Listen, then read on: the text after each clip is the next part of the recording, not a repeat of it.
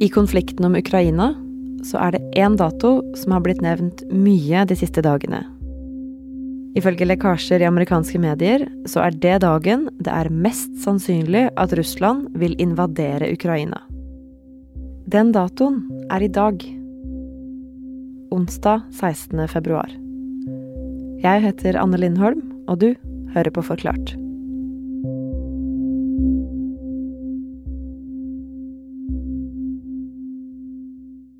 We have seen over the course of the past 10 days a dramatic acceleration in the buildup of Russian forces and the disposition of those forces in such a way that they could launch a military action essentially at any time. A critical week in the Ukraine crisis amid growing fears Russia could invade in days. The White House continuing to ring the alarm. The next 48 hours are said to be crucial as Russia stands on the brink of war with Ukraine. They, of course, deny that, don't they? USAs president Joe Biden har bedt alle amerikanere om å komme seg ut av Ukraina, og samtidig så har de flytta ambassaden sin fra hovedstaden Kiev og lenger vestover. Og Utenriksdepartementet her i Norge de fraråder alle reiser til Ukraina, sjøl om den norske ambassadøren sier at han vil bli værende. Per Christian Aale, du er Russland-korrespondent her i Aftenposten. Og hvorfor er det datoen i dag som har blitt pekt på som en mulig invasjonsdag? USA har prøvd noe helt nytt i denne konflikten. Og det er at de har nedgradert etterretningsinformasjon og publisert det til vestlige medier. Tankegangen her er at de skal offentliggjøre det de tror er Russlands planer, og få på den måten forpurre og ødelegge for eh, president Vladimir Putin. Vi kommer tilbake til Per Christian snart. Men først så skal vi til landet i midten av alt det som skjer nå Ukraina. Presidenten der har ikke noe tro på en invasjon i dag. Men utenriksjournalist Gina Grieg Risnes, du er i Ukraina. Åssen er stemninga? Budskapet fra presidenten det reflekteres egentlig ute på gaten i uh, Kyiv.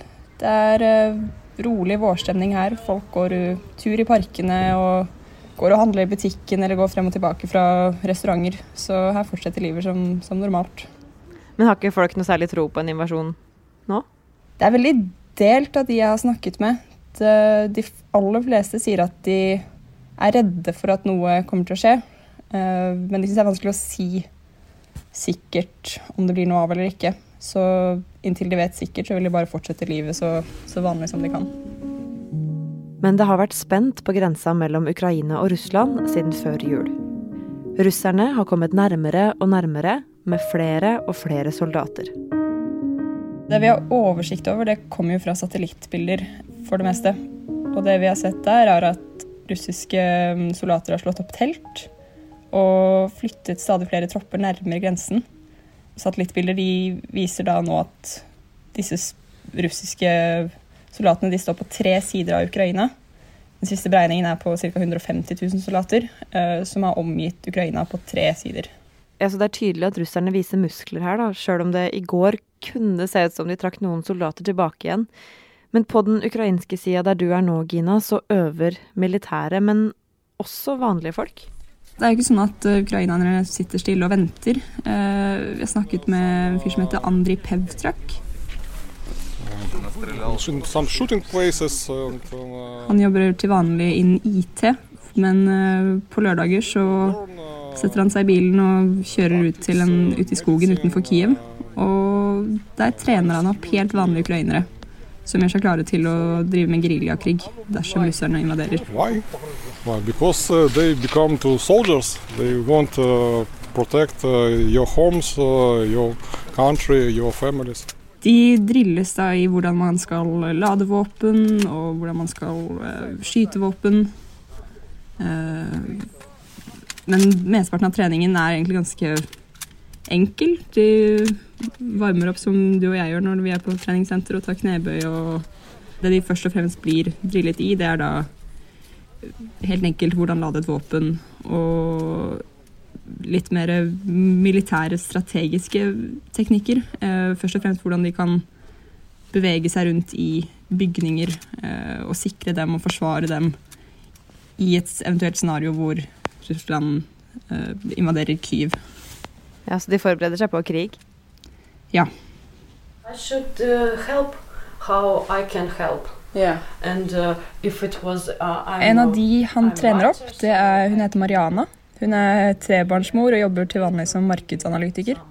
Men uh, også hun kjører ut i skogen hver lørdag og trener til krig. Så da vi uh, møtte henne, så var hun ikledd uh, kamuflasjedrakt og skuddsikker hjelm og hadde gevær hengende over skulderen.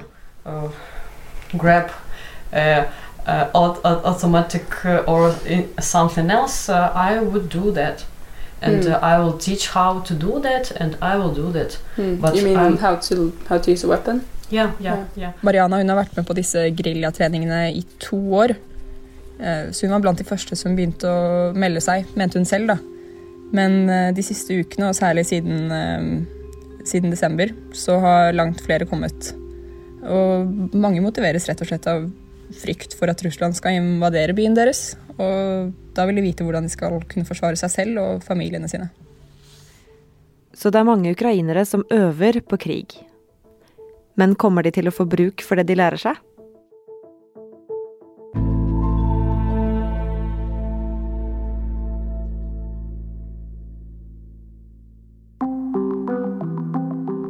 Ei annen ukrainsk dame som Gine har snakka med, er Anna Jehorova. Hun bor også i Kyiv og jobber til vanlig som journalist, hun også. Hun har i likhet med de som øver på geriljatrening, tatt konkrete steg for å være klar for en invasjon. Men på en litt mildere måte, kanskje. Så i stuen så hadde hun en sekk stående klar. Med vann og med klær og med nudler og diverse medisiner. Som hun var klar til å rive med seg hvis hun må flykte. Uh, so, so it's not just my uh, medicine, it's uh, medicine in a waterproof bag. For Anna har havna midt i en konflikt mellom USA og forsvarsalliansen Nato på den ene sida, og Russlands leder Vladimir Putin på den andre. Konflikten handler om forholdet mellom Russland og Ukraina og Russland og Vesten. Russland kom i fjor høst med en rekke krav, en lang liste, og det kan vi korte ned til egentlig to viktige eh, momenter.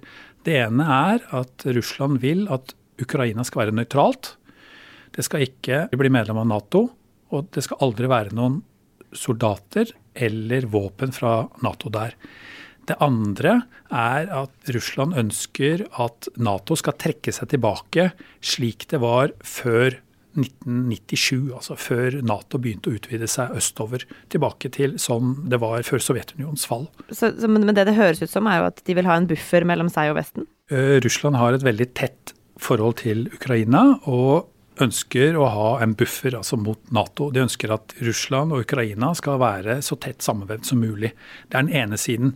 Men den andre siden er jo at Russland, og da særlig Vladimir Putin, ønsker en ny sikkerhetsordning i Europa.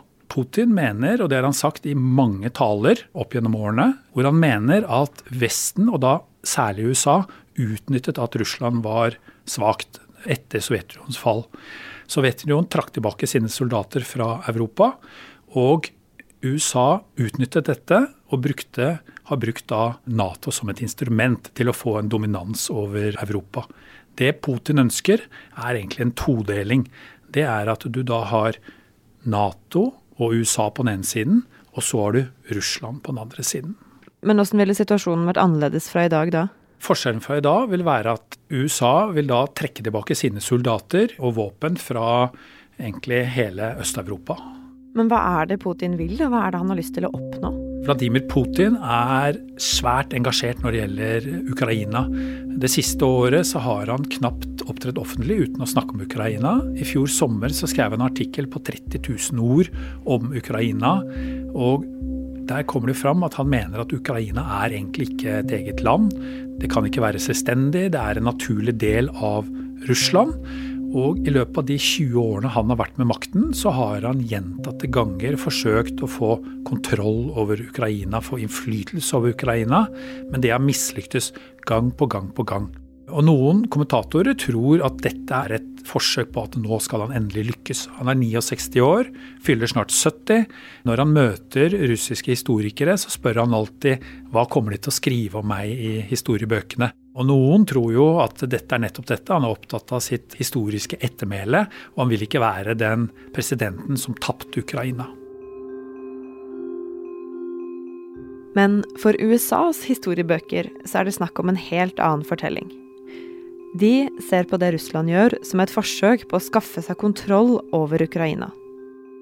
Men spørsmålet som alle håper at det finnes et svar på, er om det er noen løsning på den konflikten her i det hele tatt. Det er det jo kun Putin som vet. Det er Putin selv som tar en avgjørelse, og han kommuniserer med en liten krets som er rundt ham. Og hva de tenker og hva de gjør, det vet vi ikke. Men man ser jo at Russland allerede har oppnådd ganske mye. Putin har jo faktisk fått til noe Russland ikke har klart på 30 år. Og det er at eh, Vesten og USA har begynt å forhandle med Russland og ta Russlands bekymringer på alvor.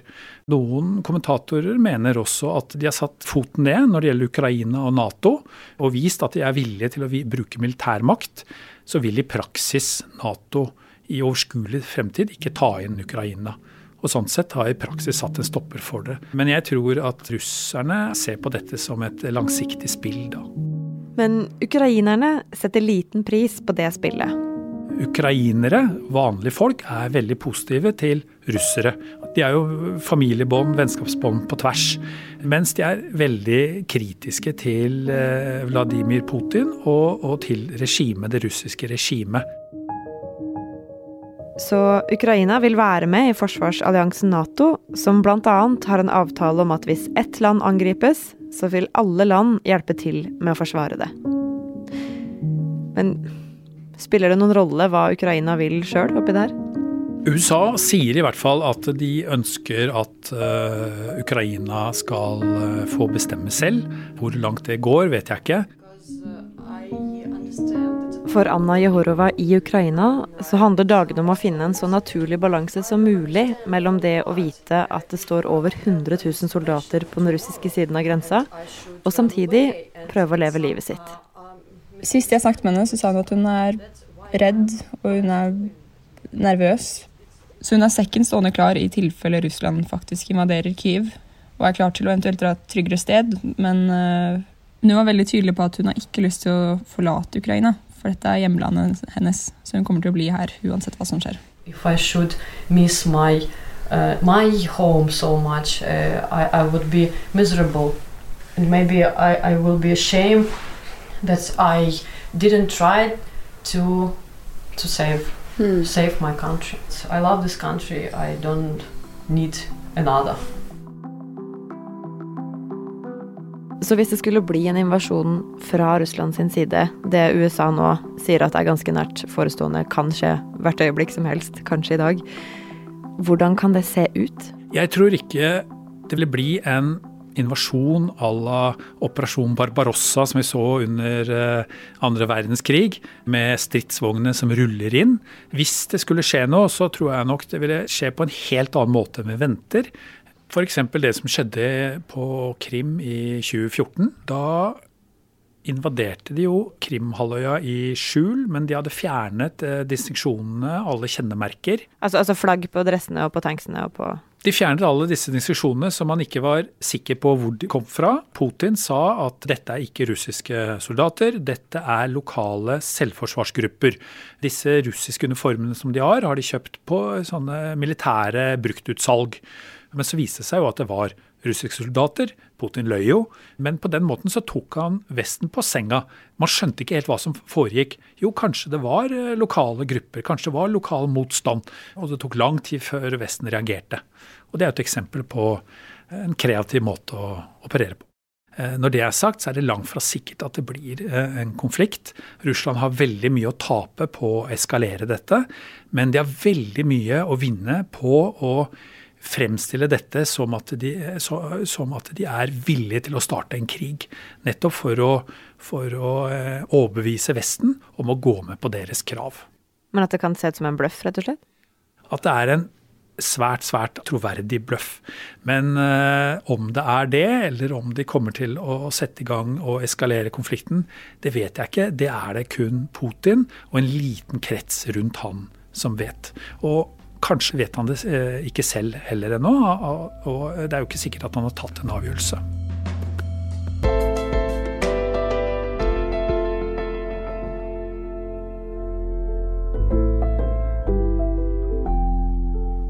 I denne episoden av Forklart så har du hørt Per Christian Aale, som er Aftenposten sin Russland-korrespondent, og Gina Grieg Risnes, som er utenriksjournalist. Det er Ulla Kristine Rafaelsen, Fride Næss Nonstad og jeg, Anne Lindholm, som har laga denne episoden. Resten av Forklart er Marte Spurkland, David Vekoni, Synne Søhol, Anne Sveberg og Jenny Førland. Du hørte lyd fra NBC, ABC, Good Morning Britain og fra nyhetsbyrået AP.